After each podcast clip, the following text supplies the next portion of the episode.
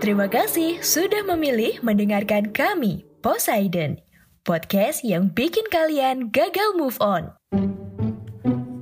Oke Sobat Poseidon, selamat pagi, selamat siang, dan selamat malam Tergantung kapan kalian mendengarkan podcast ini Kita ketemu lagi di Podcast Sejarah Indonesia Bersama saya, Saifuddin Alif Gak usah pakai basa-basi, kali ini saya mau ngomong soal Perang Maluku Yang dipimpin oleh Kapiten Patimura Mungkin dari kalian ada yang bertanya-tanya ya Kenapa kita bahas Perang Maluku?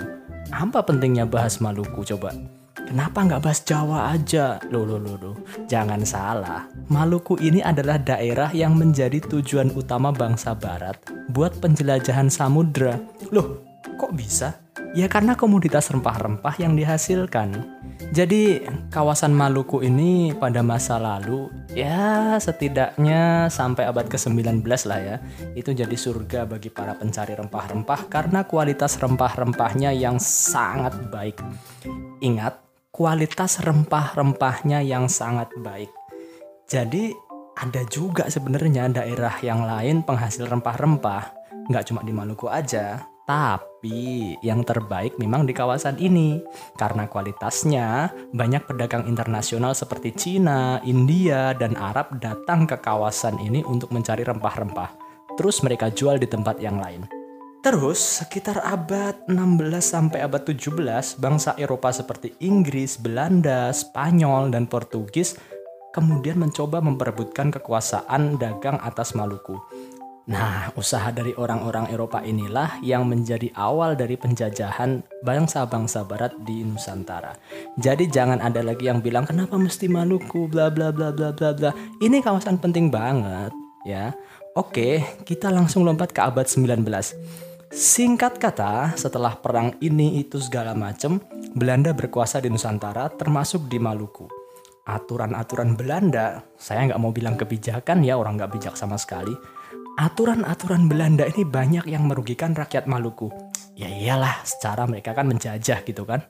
Salah satu yang bikin rakyat Maluku geram itu ya monopoli dagang dari Belanda lewat pelayaran Hongi yang terkenal itu. Jadi rakyat Maluku nggak bisa lagi jual rempah-rempah kecuali kepada Belanda itu pun juga dibeli dengan harga yang murah.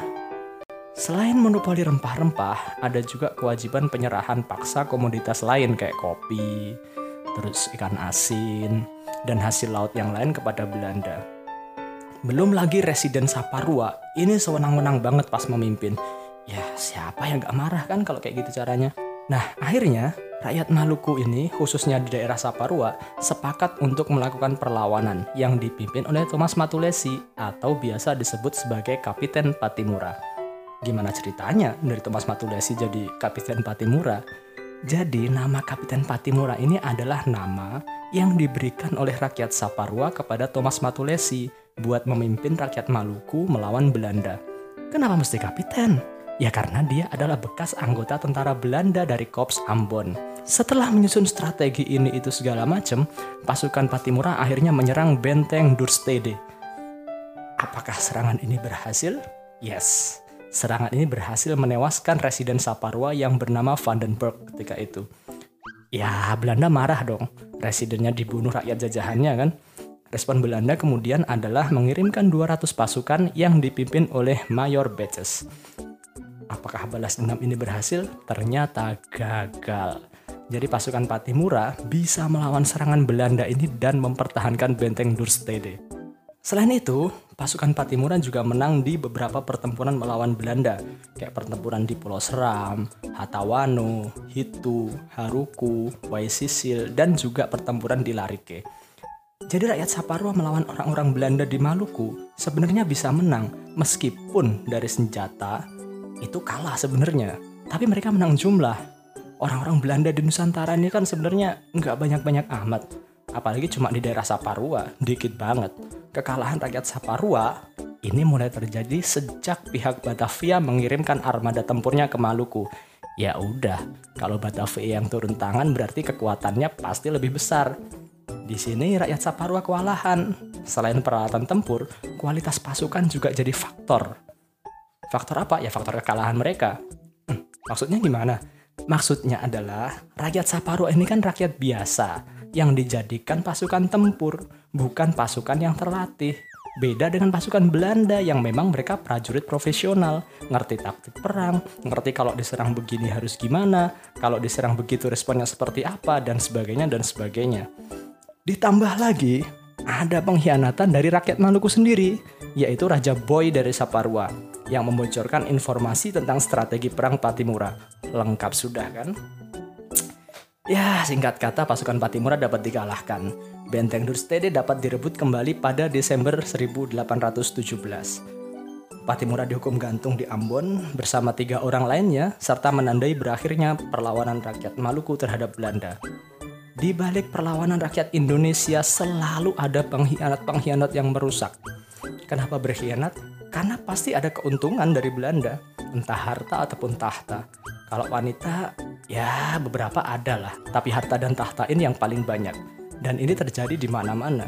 Sampai kita merdeka pun ada aja orang yang masih berpihak ke Belanda. Soal ini kita bahas kapan-kapan lah ya. Oke, sampai di sini dulu obrolan kita tentang Perang Maluku. Sampai jumpa di podcast-podcast selanjutnya. Tetap jaga kesehatan karena COVID masih belum selesai. Dan yang belum divaksin silahkan mendaftarkan diri untuk segera divaksin. Nggak perlu takut, nggak perlu khawatir kalau divaksin gimana-gimana. Insya Allah aman. Tetap patuhi protokol kesehatan dengan 5M, yaitu memakai masker, mencuci tangan dengan sabun dan air mengalir, menjaga jarak, menghindari kerumunan, dan mengurangi mobilitas. Tetap sehat, tetap semangat selama masa pandemi, supaya kita bisa belajar bersama di podcast Sejarah Indonesia. Saya Saifuddin Alif undur diri, selamat melanjutkan aktivitas dan sampai jumpa. Terima kasih.